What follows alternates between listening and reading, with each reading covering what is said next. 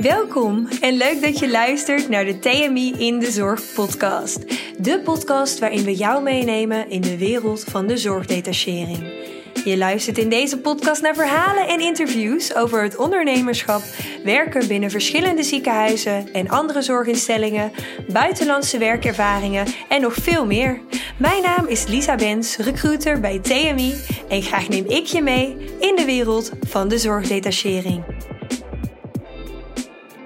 Als operatieassistent ben je de rechterhand van de arts of de chirurg bij het uitvoeren van een operatie. Je bereidt de operatie voor, voert zelfstandig taken uit en draagt de zorg over de operatieinstrumenten. Als OK-assistent kun je op drie manieren worden ingezet tijdens de operatie: in de omloop, bij het instrumenteren of het assisteren. Panta werkt al meer dan 30 jaar als OK-assistent en geeft in deze podcast antwoord op diverse brandende vragen. Want hoe zien de diensten er nu eigenlijk uit? En bij hoeveel operaties assisteer je per dag? Is het mogelijk om überhaupt pauze te nemen als je op elkaar staat? En we gaan nog in op diverse andere onderwerpen die dit vak zo bijzonder maken.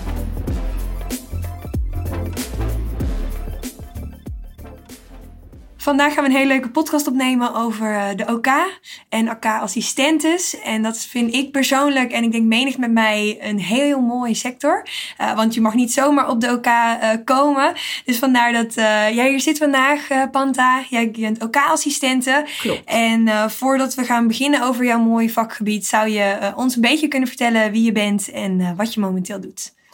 Hoi, ik ben Panta Hermans. Ik ben OK-assistent. Ik werk uh, meer dan 12 jaar bij TMI. En uh, ik werk op uh, operatiekamer. En wat houdt werken op de OK precies in? Want voor ons is het heel logisch dat we praten over de OK, maar wat is dat precies en wat houdt jouw werk precies in? Als je operatieassistent heb je drie uh, taken op OK. Uh, ben je soms uh, omloop. Dat betekent je geeft al die instrumenten, spullen wat nodig zijn voor operatie, geef je het steriel aan. Dan tweede taak van jou is instrumenterende. Dus daar geef je instrumenten aan. Maar dat is niet uh, alleen instrumenten aangeven. Je bent geen instrument uh, aangeefpop, zeg maar. je moet ook anticiperen en kijken uh, wat zijn ze aan het doen dat moment bij de operatie. En dat je je goede instrumenten aangeven. En dat is juist de kunst, dat je alles aangeeft wat dat moment nodig is zonder gevraagd wordt. Dat is wel heel fijn. Dat Wat is ervaren ook assistent. Ja, ja, precies. Want ja er zijn zoveel operaties die uitgevoerd worden natuurlijk in de OK. Ja. En je moet dus eigenlijk alles uit je hoofd leren. Of ligt er nog een blaadje waar je op kunt kijken? Of is dat echt alle kennis? Nee, dit is echt alle kennis. Dat, dat moment is saai steriel. Dus heb je niks uh, wat je kan ook terugvallen om kunnen doorlezen. Maar uh, dat is met ervaring, dat, dat weet je gewoon. Van de, zelfs van de beweging van chirurg weet je wat nodig is dat moment. Het is heel grappig, maar dit is wel echt zo. Je voelt het echt aan, ja, wat de chirurg of de... Aan. Ja, klopt. Wat, wat mooi eigenlijk, hè? Dus is het ook Ja. fijn om dan juist op dezelfde OK's te staan? Of kan je als OK-assistent eigenlijk in elke OK met elke chirurg datzelfde gevoel ervaren? Nee, nee, dat is altijd uh, anders. Zelfs per operatie kan anders zijn. En uh, uh, soms als je kiest voor uh, bepaalde specialisten, dat heb je gewoon routine. Bijvoorbeeld kies je voor orthopedie, heupen of knieën, dan je, doe je alleen heup- of knieoperatie. Maar als je all-around bent, wat ik eigenlijk dit moment doe, bij alle operaties moet je kunnen assisteren, instrumenteren en omlopen. Dus dat is nog derde voor de taak van OK-assistent assisteren. Dit vind ik zelf persoonlijk een van de leukste. Omdat je opereert letterlijk mee met uh, specialist, met chirurg. Dus het is wel heel fijn, heel leuk. Alleen dan moet je ook echt uh, kennis hebben waar je mee bezig bent. Ja, want hoe kom je op, het op dat moment waar jij nu bent eigenlijk? Ik kan me voorstellen als je net uit de opleiding komt... dat je nog niet alle kennis hebt over Nee, alle klopt. operaties. Wanneer kom je op dat moment dat je dat soort dingen zoals mee opereren ook mag doen? Uh, als je zelf uh, ervaring opdoet en open bent voor, voor leren. Dat, is ook heel belangrijk. Ik doe bijvoorbeeld ook best vaak robotchirurgie. En robotchirurgie zit jij bij de patiënt en de dokter is achter de robot, zit hij daar bij ons steriel. Jij bent eigenlijk degene wie bij patiënt ziet. Niet in alle ziekenhuizen moet ik zeggen. In ziekenhuizen wat opleidingsziekenhuizen zijn, heb je soms artsassistent die assisteert. Maar in andere perifere ziekenhuizen waar heb ik gewerkt, dat deed ik alles. Dat was heel fijn. clip zetten op de vaat of darmen aan elkaar hechten met soort apparaat, stapelapparaat. Dat is heel spannend, maar dat maakt het wel heel leuk. Ja, want ik kan me ook voorstellen dat je daar nog misschien extra opleidingen voor moet volgen. Of is dat inderdaad echt die ervaring? Of neemt de chirurg je nog mee in die hechttechnieken die je dan op dat moment moet uitvoeren? Je, um, als je gaat, de hechtingen en de, die klippen, dat leer je echt in praktijk. Dat is geen opleiding voor om kunnen leren. Dan krijg je inderdaad hulp van chirurg. Tenminste, heb ik zelf gehad. Van chirurg heb ik hulp gehad en uh, ze heeft mij geholpen en heeft mij geleerd. Maar over die robotchirurgie moet je wel opleiding volgen. Bij Da Vinci, dan ga je gewoon daar opleiding volgen, theorie. En de praktijk moet je gewoon doen en leren. Ja, en dat is natuurlijk alles met, het, eh, met de zorg. Hè? Inderdaad, je leert, maar uiteindelijk leer je echt in de praktijk. Want eigenlijk alle OK-assistenten, als je voor orthopedie kiest, dan kies je echt een richting. Daar hoef je dus niet nog een extra opleiding voor te doen. Als je zegt, nou, ik ben opgeleid OK-assistent en ik wil me specialiseren in een, bepaalde, in een bepaald vakgebied. Ja, alleen één uh, specialist is cardiochirurgie. Dit is hartchirurgie. Dan moet je wel uh, voor opleiding volgen. Het is een jaar, dacht ik. Zoiets.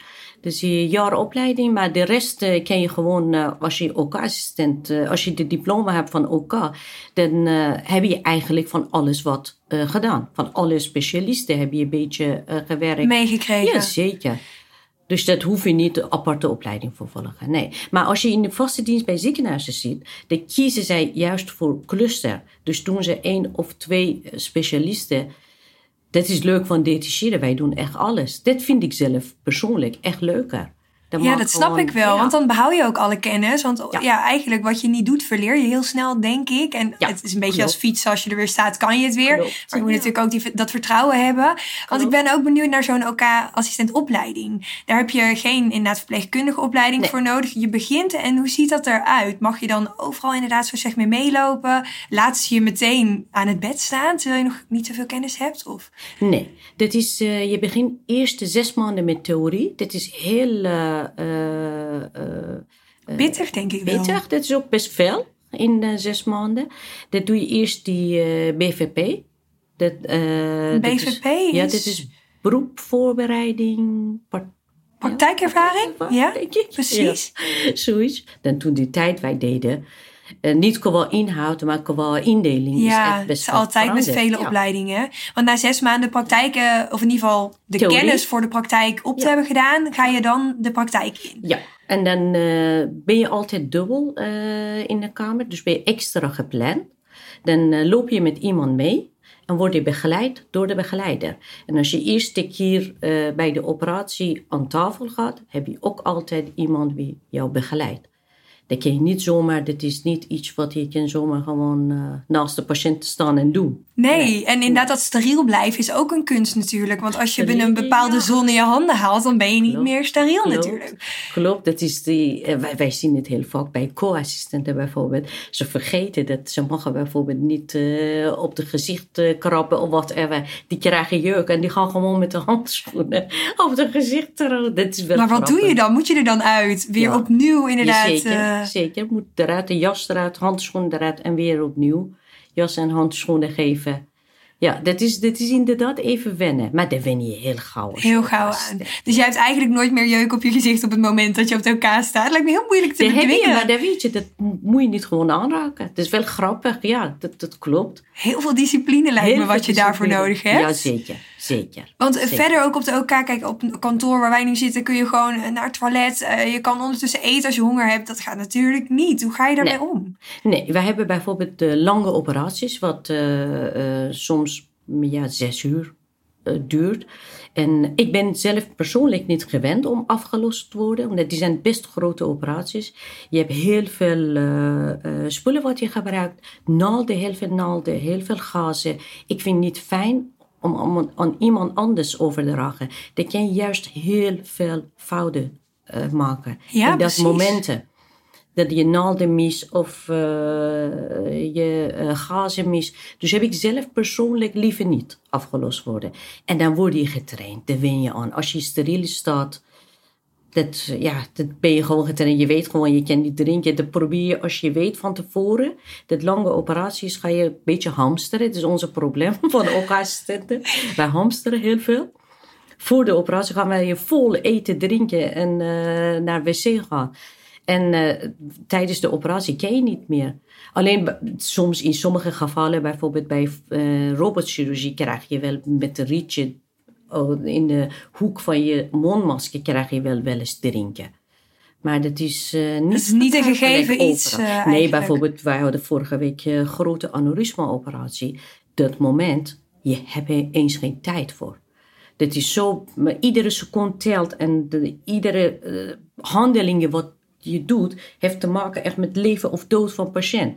Dus dat moment denk je eens niet meer. Aan ja, dan denk je daar eigenlijk niet aan. Ik denk, je wordt gewoon, in je hoofd wordt je heel goed getraind. Ja, want je bent echt inderdaad, zoals je zegt, met het moment van leven en dood mee. Ja, ja. ben je bezig van de patiënt. Ja, en dat lijkt me heel intens, heel spannend. Want je hebt dus eigenlijk heel veel verantwoordelijkheid als OK-assistenten. Klopt, klopt. Dat heb je ook. En dat, dat vind ik juist leuk. En daarom doe je ook zelf die operatie ja, stukjes leuk. erbij. de adrenaline wat je krijgt. En dat moment bijvoorbeeld als je patiënt met spoed binnenkomt. Dit is gewoon ja, voor ons is heel leuk. Het is raar op te zeggen. Ja, is, is niet leuk voor de patiënt, maar is wel heel leuk voor jouw werkervaring. En, ja, klopt. Ik snap dat heel je goed. moet zelf anticiperen, je moet zelf bedenken. Dat is, soms kan je eens niet protocol meer volgen, omdat je moet gewoon de patiënt redden. En presteren. Dat is, dat is juist, juist dit vind ik juist heel erg leuk. Want hoe ziet jouw dag er op, op elkaar uit eigenlijk? Want de meeste dingen zijn planbaar, maar zo'n spoed uh, aanvraag natuurlijk weer niet. Dus hoe wordt dat ingedeeld? Uh, soms heb je uh, in ziekenhuizen heb je meestal één spoed Dus als je bij de spoed staat, je weet niet wat komt. En dat is wel leuk. Je kan één, iets hebben van het trauma en daarna bij gynaecologie en daarna komt iets van KNO. Dat is wel leuk. Het is heel veel afwisseling.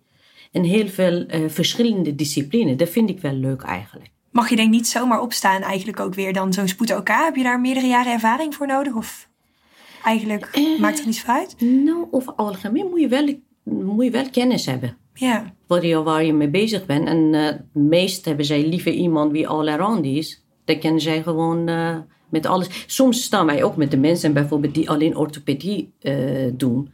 En s ochtends gaan wij met elkaar bespreken en die vragen, joh, als je gynaecologie komt, een seksje, bijvoorbeeld keizersnijden, wil jij het doen? Ja, prima, dan bespreken wij met elkaar. Ja, precies. Dus jullie maken wel onderling uit wie wat gaat doen, op welk moment. Ja. Uh, en dan is gewoon de meest bekwame OK-assistent doet dan uh, wat hij of haar het beste Zo past het eigenlijk. Ja, Oké. Ja, dat is wel heel interessant. Want ja, als je een, en een gewone dag draait, hoe lang duurt zo'n operatie? Want je hebt inderdaad de langdurige. Waar kan ik dan aan denken? Langdurige of uh, bedoel je gewone? Ja, de langdurige operatie, maar ook de gewone. Is dat één uur, een half uurtje, vier uur? Uh, nou, je hebt, je hebt operaties wat half uur eigenlijk duren. Maar normaal gesproken heb je anderhalf uur. Gewone operaties, zeg maar keizersnijden of uh, heupoperatie. Die zijn de standaard operaties wat anderhalf uur duurt. Maar je hebt ook operaties bij de robotchirurgie. Duurt gewoon zes uurtje. Letterlijk zes uur, ja. Wauw, zes uur staan aan het bed. En hoeveel operaties doe je als OK-assistent over het algemeen op een dag? Dat is natuurlijk verschillend per ziekenhuis, verschillend per waar je staat. Klopt. Maar als je een beetje een... Ja. Dat ligt dan als je bijvoorbeeld bij zo'n standaard operaties staat, net als heupen, knieën of uh, liesbrug, dan kan je vier, vijf per dag doen. Maar als je bij uh, zo'n grote operaties staat, wat langdurig is, zes uurtje, één of twee operaties. En één de heel kleine operatie uh, naar die zes uurtjes, zeg maar. Maar uh, verder kan je niet uh, veel operatie inderdaad doen in één dag als je zo'n grote operatie hebt. Ja, precies. Dan is het gewoon die. En dan, ja, je hebt ook nog pauze nodig. Je wil inderdaad ook even eten. Dus dan, ja, twee grote operaties van zes uur ben je meteen uh, twaalf uur verder. Ja, maar dit, onze diensten zijn ook acht uur normaal gesproken. Of in sommige ziekenhuizen negen uur. En daarna komt andere dienst, gaat je aflossen. Dus ze proberen, ze gaan nooit twee grote operaties in één dag plannen. Dat is gewoon niet te doen ook. Nee, precies. Daar vraag je ook om problemen. Ja, en dus vermoeidheid. Als je wisseling van, uh, hebt. ja. En ook te veel wisseling is ook niet goed voor uh, steriliteit. In principe, als wij uh, operaties hebben, dus heup en knie, over algemeen orthopedie, is gewoon echt verboden om de deur openen. Dus je wordt niet afgelost. Nee. Nee, dus dan moet je gewoon wachten tot de operatie klaar is. En dan ga je weer eigenlijk jezelf klaarmaken voor de volgende operatie. Of zit daar dan nog wel heel even thuis? Ja, ja precies. Want hoe zien de verdere diensten eruit? Je, eigenlijk begint het meestal rond zeven, tussen 7 en 8. En ben je inderdaad wel redelijk nog tussen vier klaar, hoor ik meestal. Maar je hebt natuurlijk ook nog bereikbaarheidsdiensten. Hoe ziet dat eruit op OK? Uh, in, dat is verschil ook tussen ziekenhuizen. In het ziekenhuis waar ik nu werk dit moment was half acht tot vijf uur. En uh, je hebt ook uh, dienst vanaf 8 uur tot 6 uur. En je hebt later dienst vanaf half 1, half 2 tot 11 uur s avonds. En dan heb je nachtdienst vanaf half 11 tot 8 uur s ochtends. Dus het is echt verschillende tijden. En op verschillende tijden heb je dan ook verschillende operaties. Want nachten zijn alleen spoed, neem ik aan. Ja, klopt. Dus als je weet, ik draai nachtdienst, dan weet je eigenlijk dat het spoed. Want avond, is, is dat ook nog geplande uh, zorg? Of eigenlijk ook spoed nee, alleen? alleen spoed. Dat hoort eigenlijk uh, alleen voor de spoed. Soms, uh, operatiekamer, ja, dat, bij de operatie weet je nooit. Soms loopt uit. Het loopt anders dan je hebt gedacht dan uh, blijft één operatie open, uh, open en gaat die langer uh, zeg maar duren, de eerste operatie. De tweede doen wij in de dienst. Maar dit is eigenlijk niet de, bedoeling. Nee, je probeert eigenlijk zo min mogelijk uit te lopen ja, binnen het schema. Klopt. Want gebeurt het vaak ook, ik kan me het bijna niet voorstellen, maar dat je even bij zo'n spoeddienst niks te doen hebt? Of... Ja, ja, zeker. Dat gebeurt ook wel eens. Fijn eigenlijk ook wel, want dan weet je dat er niks ergs gebeurt. Maar dit is één kant fijn, aan de andere kant voor ons ook niet. Omdat dit is juist leuk.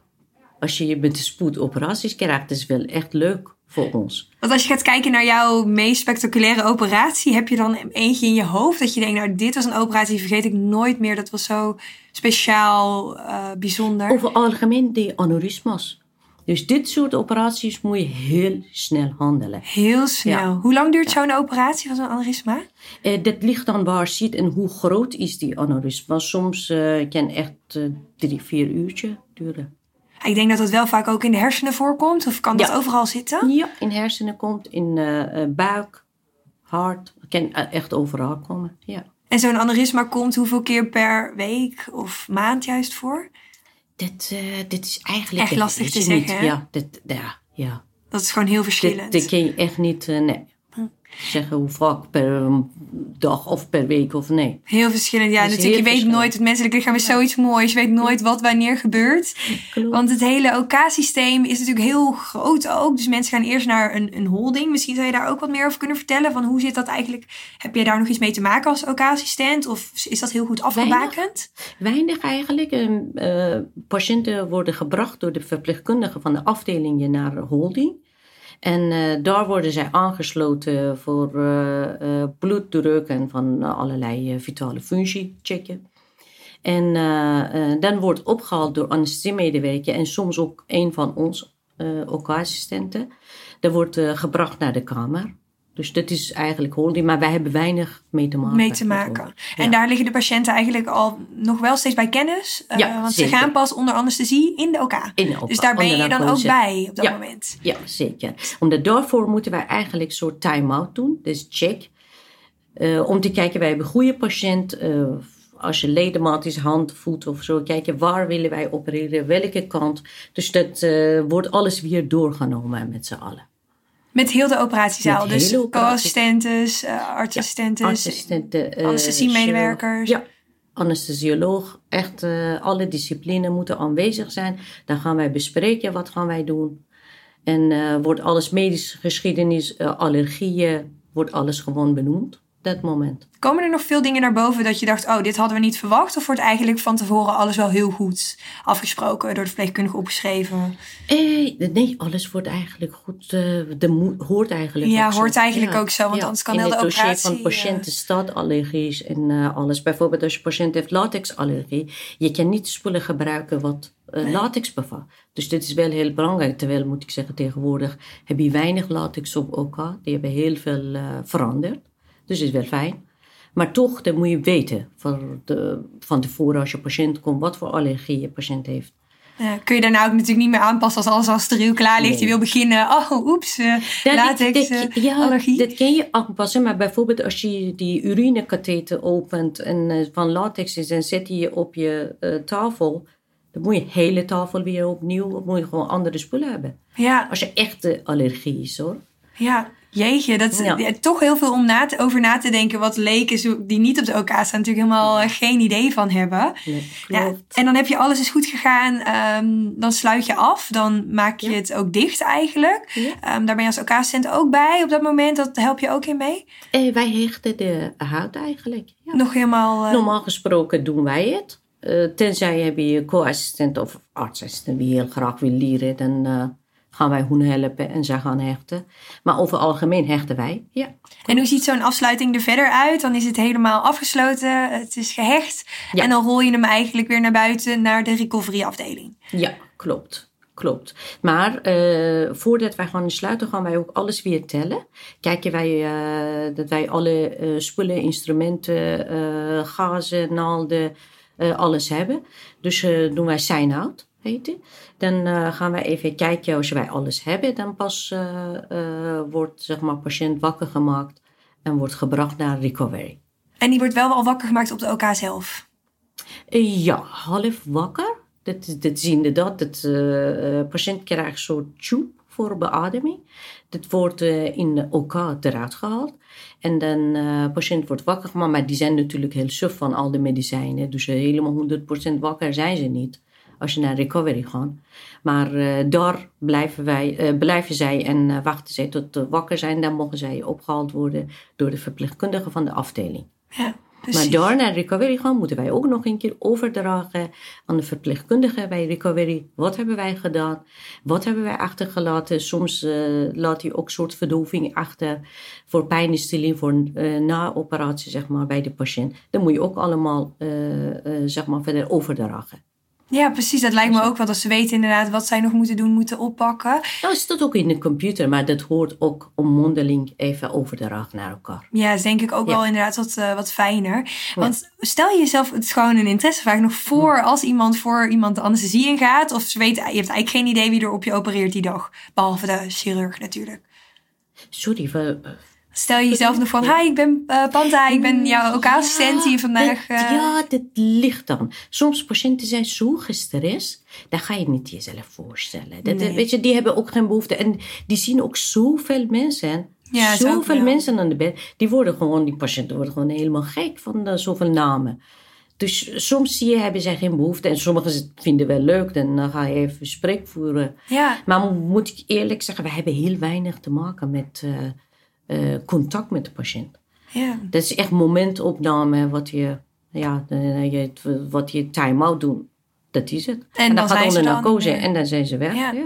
ja, je ziet soms namelijk ook foto's en video's op social media dat ze bij kinderen anesthesie dan ook nog een soort van hoofd, schouders, knie, teen doen om de kinderen zeg maar minder, eh, minder bang te maken. Ja. Dus ik was benieuwd of ze dat bij volwassenen ook deden, maar eigenlijk redelijk weinig. Dus ook assistenten hebben eigenlijk nauwelijks tot niet contact met de patiënt. Nee, dat klopt.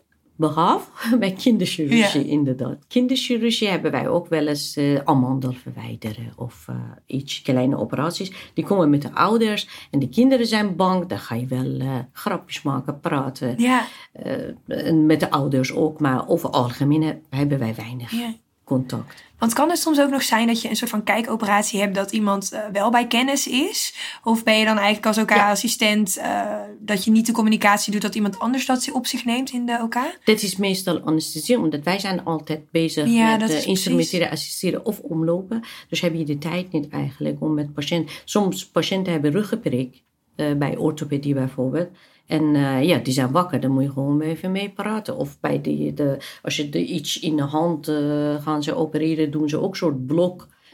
En dan moet je wel inderdaad eh, aandacht een beetje aan de patiënt geven. Maar meestal is niet... eh, nee, Niet echt de OK, ligt echt wel bij de anesthesie. klopt. Ja. klopt. Want ik ben ook wel benieuwd nu, eh, natuurlijk het hele grote COVID-gedeelte, heel veel Ja. operaties heeft stilgezet. Klopt. Hoe ervaar jij dat op dit moment? Worden er echt heel veel ingehaald of heb je toch nog veel kunnen doen tijdens COVID op de OK?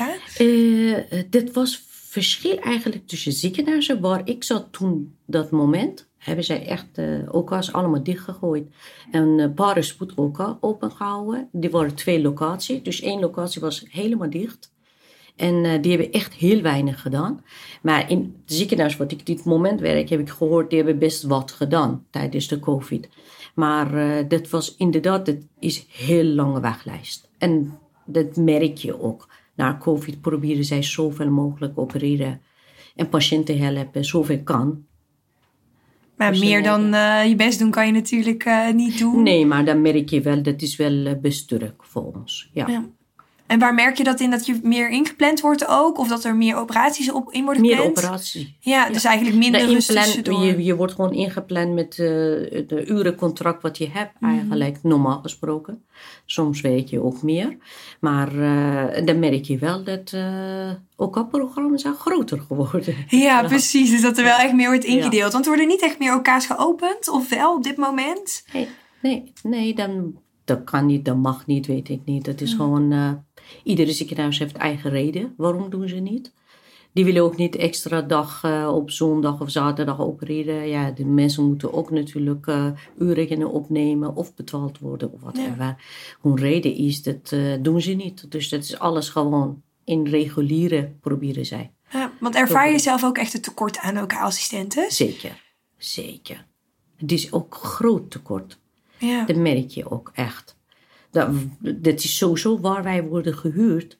Uh, als je detacheren, het is altijd tekort. Ja, overal altijd staan altijd diensten open. Ja. Terwijl de opleiding, hoe lang duurt de opleiding uiteindelijk? Anderhalf jaar, jaar. tot drie jaar? Oh, drie nee, jaar. jaar. Anderhalf jaar. Uh, Waarvan je dan inderdaad eigenlijk tweeënhalf jaar mee werkend bent. Maar dan ben je eigenlijk, kost het meer tijd om je op te leiden dan dat je echt werkverlichtend uh, bezig bent natuurlijk. Omdat er iemand moet meelopen. Ja, ja en nee, ja.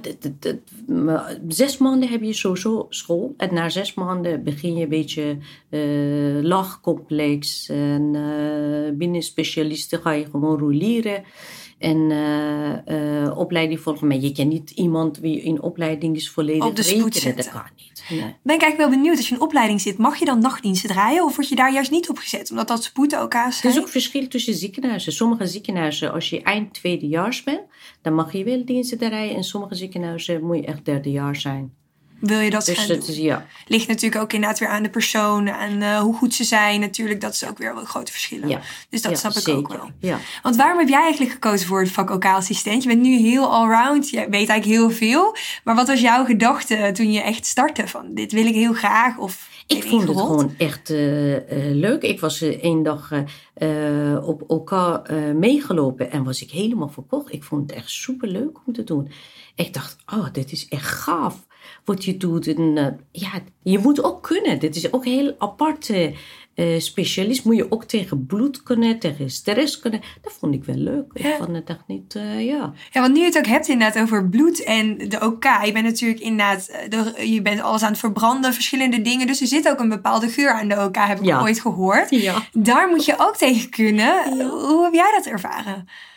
De wen je aan. Daar ben je aan. Dit is mindset. Dit is echt mindset. Ruik je het nu dan eigenlijk niet meer als je binnenstapt? Jawel, tuurlijk. Tuurlijk ruik je wel, maar het is mindset. Dat wen je gewoon aan. Dat hoort bij dat operatie, dat geur. En dat weet je gewoon. Want er zitten ook verschillende geuren aan verschillende operaties? zeker, zeker. Oh, dat wist ik ook niet. Zeker, ja. En wat zijn daar dan de grote verschillen in? Of is dat moeilijk uit te leggen? Je hebt heel vieze operaties, bijvoorbeeld... Uh, ja, ligt aan welk ja, lichaam zul je natuurlijk aan of wat, het, uh, als je het doet. Het is heel anders. Oh ja, precies. Dan uh, iets verbranden in de blaas. Dat is een heel andere geur.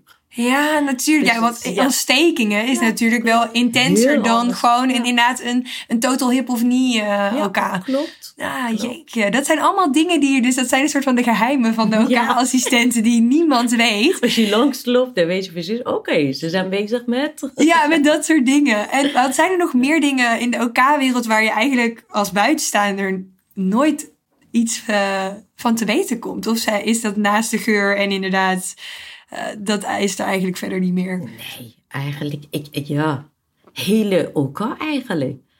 Het is zo'n gesloten afdeling Ja. van buitenwereld. Weet, je eigenlijk niet weten wat gebeurt eigenlijk in zo'n of bij zo'n operatie. Ja, want soms vraag ik me ook wel eens af, heb je überhaupt tijd om je weekend even te bespreken? Of sta je met hetzelfde team altijd? Want je bent Ja, natuurlijk heel wel. groot. Soms wel. Als je de hele routine en eh, normale operatie is normaal op je voor ons.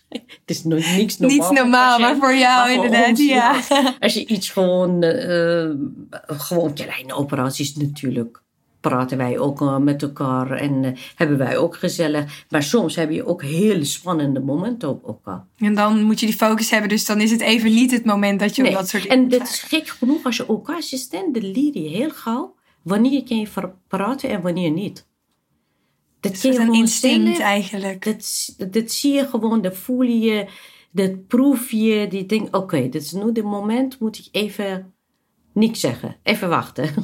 ja. En dan komt het wel weer. ja, Want met hoeveel OK-assistenten sta je op de meeste? Dat is natuurlijk ook weer verschillend met spoed misschien en gewoon regulier. Dat is ook verschil tussen operaties. eh, twee à drie. Twee uit drie. Ja, dat ligt dan eh, in een ziekenhuis waar opleiding in ziekenhuis is, heb je co-assistenten en artsassistenten. Dan heb je geen assistentie nodig. Dan sta je met z'n tweeën. Maar in ziekenhuizen waar je geen opleiding in ziekenhuis is, wat het leukste is voor ons, omdat wij doen heel veel Veel meer dingen Ja. mag je dan doen. Dan sta je met z'n drieën. Ja. En dan krijg je ook echt de, de complexe casus. Eigenlijk wat grappig is, als je als verpleegkundige werk je liever op een universitair, maar als OK-assistent is het eigenlijk veel leuker om in een perifeer te werken. Ja, En dat zie ik jij vind nu. het zelf persoonlijk. Kijk, in eh eh academisch ziekenhuis, die zijn wel heel grote ingrepen. Maar als OK-assistent kan je niet zoveel doen. Dus dat Ja. is eigenlijk, ja, voor ons is... eh, Dus het is complexer, maar dan Ja. is het meer toekijken en inderdaad aangeven. En ja, alle belangrijke taken die daarnaast er nog bij komen. En anders mag je echt zoals je het zelf doet helpen. Ja, dat vind ik eh, echt de met assisteren. Ja. dat lijkt mij dus ook. Als je echt mag assisteren met eh, bepaalde... Maar dat mag je dus eigenlijk doen met in- inderdaad er- de juiste ervaring. Want je hebt nu zeker. hoeveel ervaring of hoeveel jaar loop jij nu al mee in dit, eh, in dit vakgebied? Oh, dat is echt veel te lang. Eh, ik denk eh, sowieso in Nederland 22 jaar. Maar eh, ik had eh, in, eh, in Iran mijn opleiding gedaan. En toen kom ik hier in Nederland, moest ik weer helemaal opnieuw doen. Heb je hem helemaal opnieuw moeten doen? Ja. Dus eigenlijk 30 jaar, denk ik. 30 jaar. En vond je het toen makkelijk, het Nederlandse systeem vergeleken met het Iraanse systeem? Bij ons de inhoud van de studie was lastiger en moeilijker. Eh, wij hadden eh, opleiding eigenlijk, vergelijk je hier met eh, PA, physician assistant.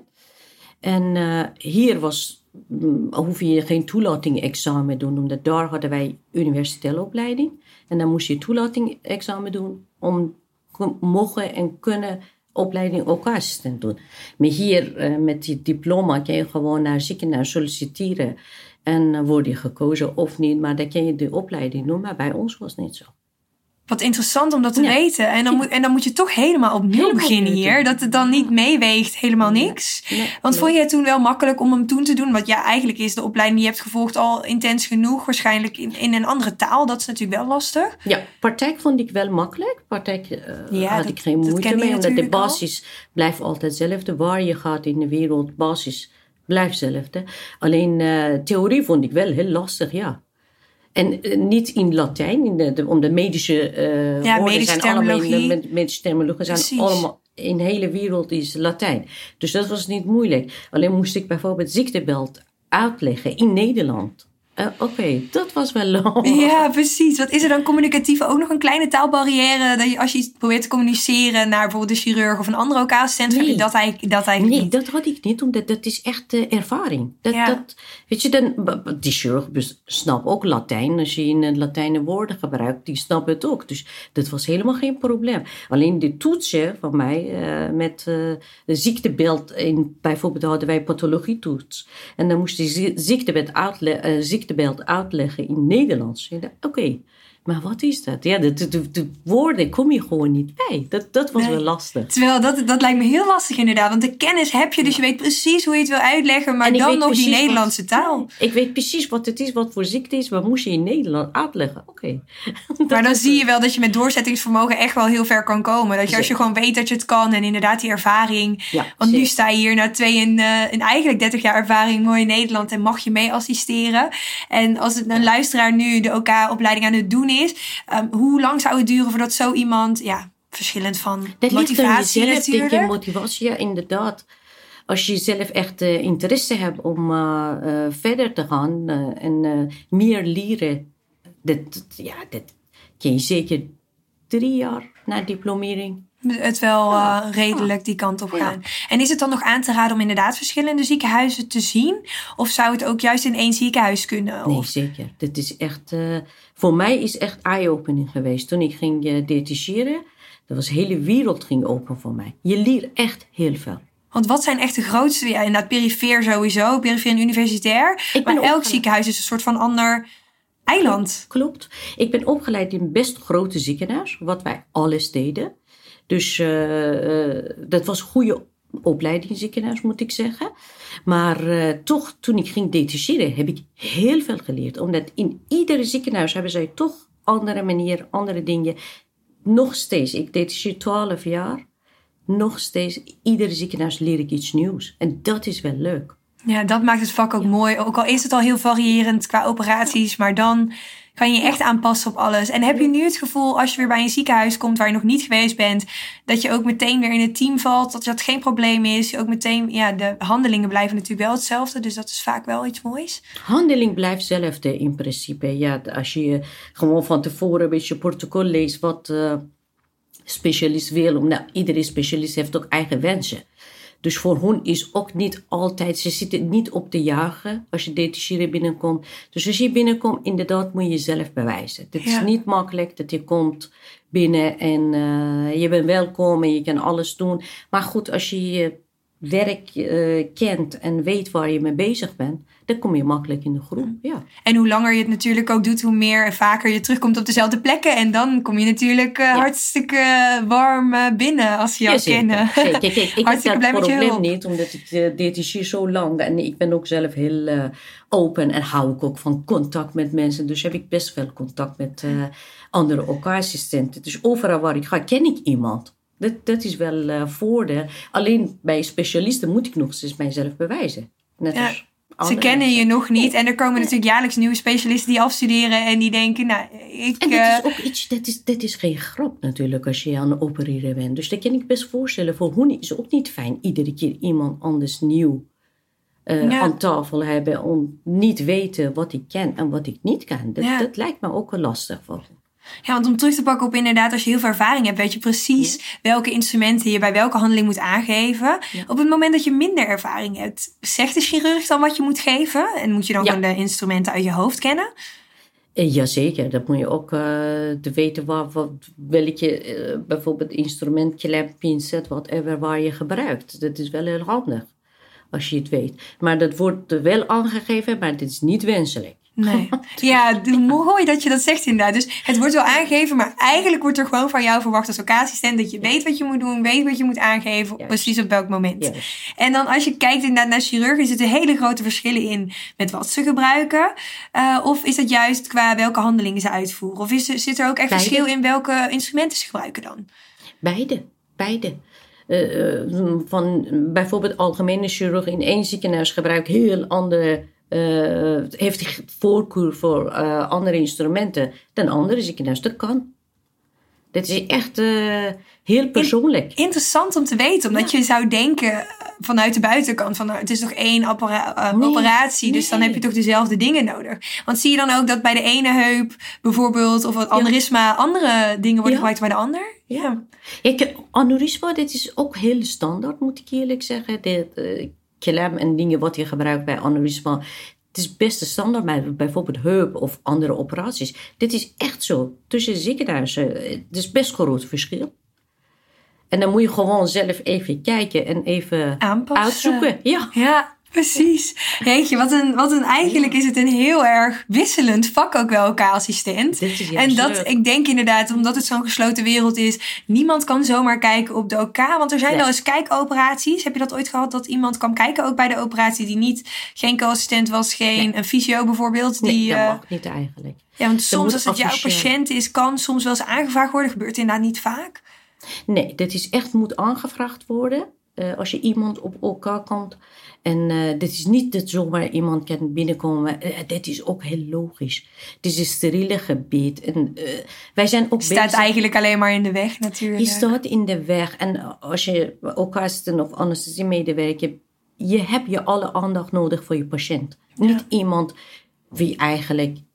Daar niet thuis heeft. hoort. Ja, Ja, ja. Geen handje bijdraagt. nee, Precies. Nee, nee. Dat hebben wij liever eigenlijk niet. En dat gebeurt ook eigenlijk niet. Vroeger was wel eens dat specialisten nemen kinderen van hun mee om even laten zien, weet je, om hun enthousiast maken voor, eh, eh, zeg maar, eh, Voor het vakgebied, voor ja, de studie geneeskunde en zo. Maar tegenwoordig wordt echt alles Zijn ze daar moet, aange- op? ja, moet aangevraagd worden. Ja. Kan niet meer zomaar iemand binnen.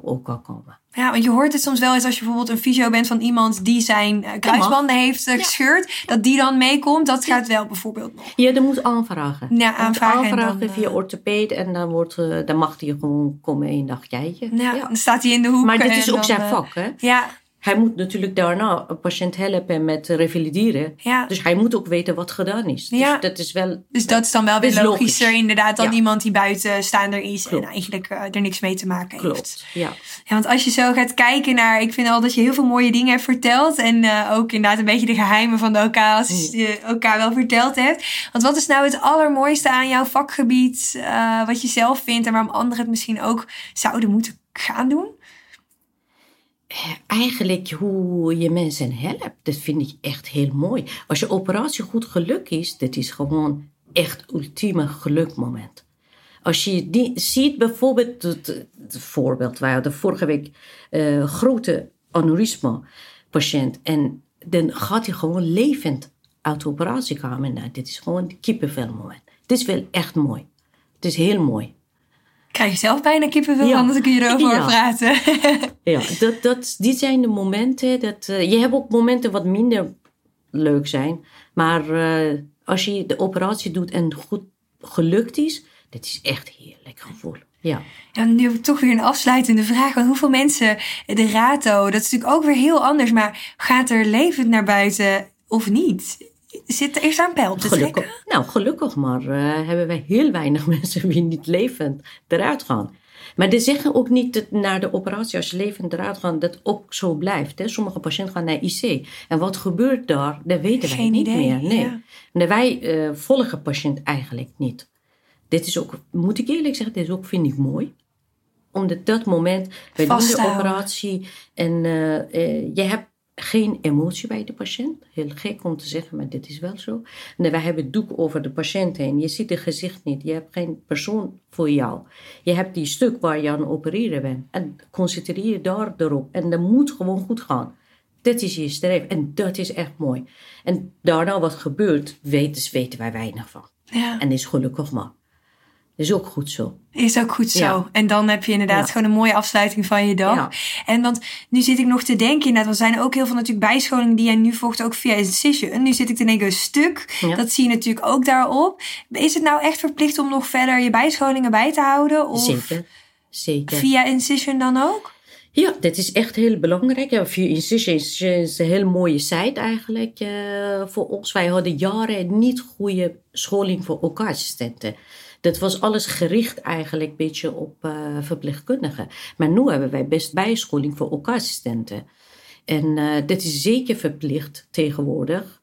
Dat, eh, dat die bijhoudt eigenlijk. Ja. Ja. Kan ik me ook wel voorstellen met zoveel moeilijke operaties en dat je weet wat, je, wat je moet aangeven, moet je dat ook echt wel onderhouden. Net als de normale voorbehouden handelingen die je verpleegkundige eh, Dat verplicht klopt. En nog iets ook eh, in de medische wereld. Iedere jaar, iedere paar maanden is nieuwe ontwikkeling. Je moet Ja. ook bijblijven. Ja, Bijvoorbeeld de robotchirurgie jaren geleden hadden wij niet. En nu hebben wij. ja. Dus dat moet je ook kunnen. Dus ook blijf je ontwikkelen inderdaad in, in, in je vakgebied en ga mee met de tijd. En dan uh, ga je in ieder geval een mooie tijd als lokaalassistent tegemoet. Klopt. Nou, dankjewel Panta voor jou, nou, uh, jouw deelname aan de Zemine podcast. En bedankt voor het delen van jouw uh, geheimen en nou, mooie verhalen. En ik wens je nog heel veel succes in dit mooie vakgebied. Dankjewel, jij ook bedankt. Super leuk dat je weer luistert naar een aflevering van de TMI in de Zorg podcast. Wist je dat je snel en simpel een review kan achterlaten om te laten weten wat je vindt van deze podcast? Of wil je voortaan op de hoogte gehouden worden van alle nieuwe afleveringen achter elkaar? Klik dan op de button subscribe en abonneer je op deze TMI in de Zorg podcast. Ben je door deze podcast nu enthousiast geworden en ben je benieuwd naar de mogelijkheden voor jezelf? Volg ons dan op Facebook of Instagram. Of meld je aan voor een oriënterend kennismakingsgesprek via www.tmi.nl.